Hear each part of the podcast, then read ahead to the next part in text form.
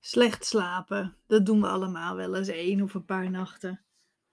Maar als je langere tijd slecht slaapt, kan dat ook een negatief effect hebben op hoe je je voelt. Je voelt je logisch natuurlijk vermoeider, maar je kunt ook last krijgen van andere klachten. Zo heeft een slechte nachtrust ook invloed op je bloeddruk, je alertheid, je concentratie, geheugen, humeur, maar ook op je gewicht. Maar ook natuurlijk hoe je om kunt gaan met stress.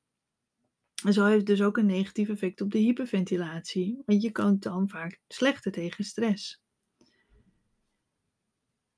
Als wij stress ervaren, dan gaan we onder andere sneller ademen, hè, hyperventileren. Hierdoor ontstaat een onbalans in ons lichaam die voor klachten kan zorgen. Nou, slecht kunnen ontspannen, wazig hoofd, duizelig, spierpijn en bijvoorbeeld darmklachten zijn een van de vele symptomen van chronische hyperventilatie. Want door de stress maak je lichaam stresshormonen aan. Die zorgen ervoor dat je de stresssituatie goed aan kunt. Nou, super handig natuurlijk bij acute stress, maar als je chronische stress ervaart, dan raak je hierdoor uit balans. stresshormonen zijn namelijk dominant op heel veel andere hormonen, en zo ook op je slaaphormonen. En net zei ik ook, hè, dat heeft bijvoorbeeld slecht slapen heeft ook een, een, negatieve invloed op je gewicht. Stress heeft ook een negatieve invloed op je gewicht. Door als je slecht slaapt en veel stress hebt, is het gewoon heel erg lastig om af te vallen, bijvoorbeeld. Maar we hebben het nu over slapen en slecht slapen natuurlijk. Nou, normaal gesproken dan maakt je lichaam aan het einde van de dag slaaphormonen aan, waardoor je slaperig wordt en inslaapt. Maar als je veel stress hebt overdag, en dan kan het dus zo zijn dat je dus te veel stresshormonen in je lichaam hebt, waardoor die slaaphormonen niet voldoende zijn om slaperig te worden. En je blijft dan dus onrustig, je ligt dan nog te pieken in je bed en te woelen omdat je niet kunt inslapen. Of je slaapt wel in, maar je wordt steeds wakker. Je hebt heel veel dromen en je bent onrustig. Ook kan het zijn dat je door te veel aan stress je lichaam alert wil blijven voor naderend en dreigend gevaar. En slapen zorgt er dan natuurlijk voor dat je niet alert bent. Hierdoor zal je dus blijven waken en snel weer wakker zijn, of de slaap niet kunnen vatten. En dat herken je vast wel, hè, dat je dan, ja, je slaapt wel een beetje, maar bij klein geluidje, dan poep, schrik je wakker. En dat is natuurlijk omdat je lichaam je wil beschermen.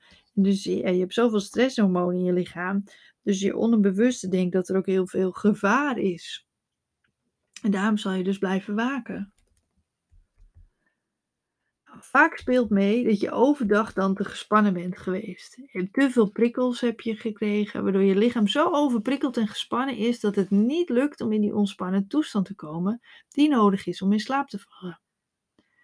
Als je dus heel slecht slaapt, is het dus ontzettend belangrijk dat je overdag meer rust en ontspanning neemt, zodat je in de nacht beter kunt slapen. Want het probleem van slecht slapen ligt bijna altijd overdag te veel prikkels, te weinig rust genomen, te weinig ontspanning, over je grenzen gaan, waardoor je in de avond en de nacht het niet los kunt laten en rustig en ontspannen inslaapt.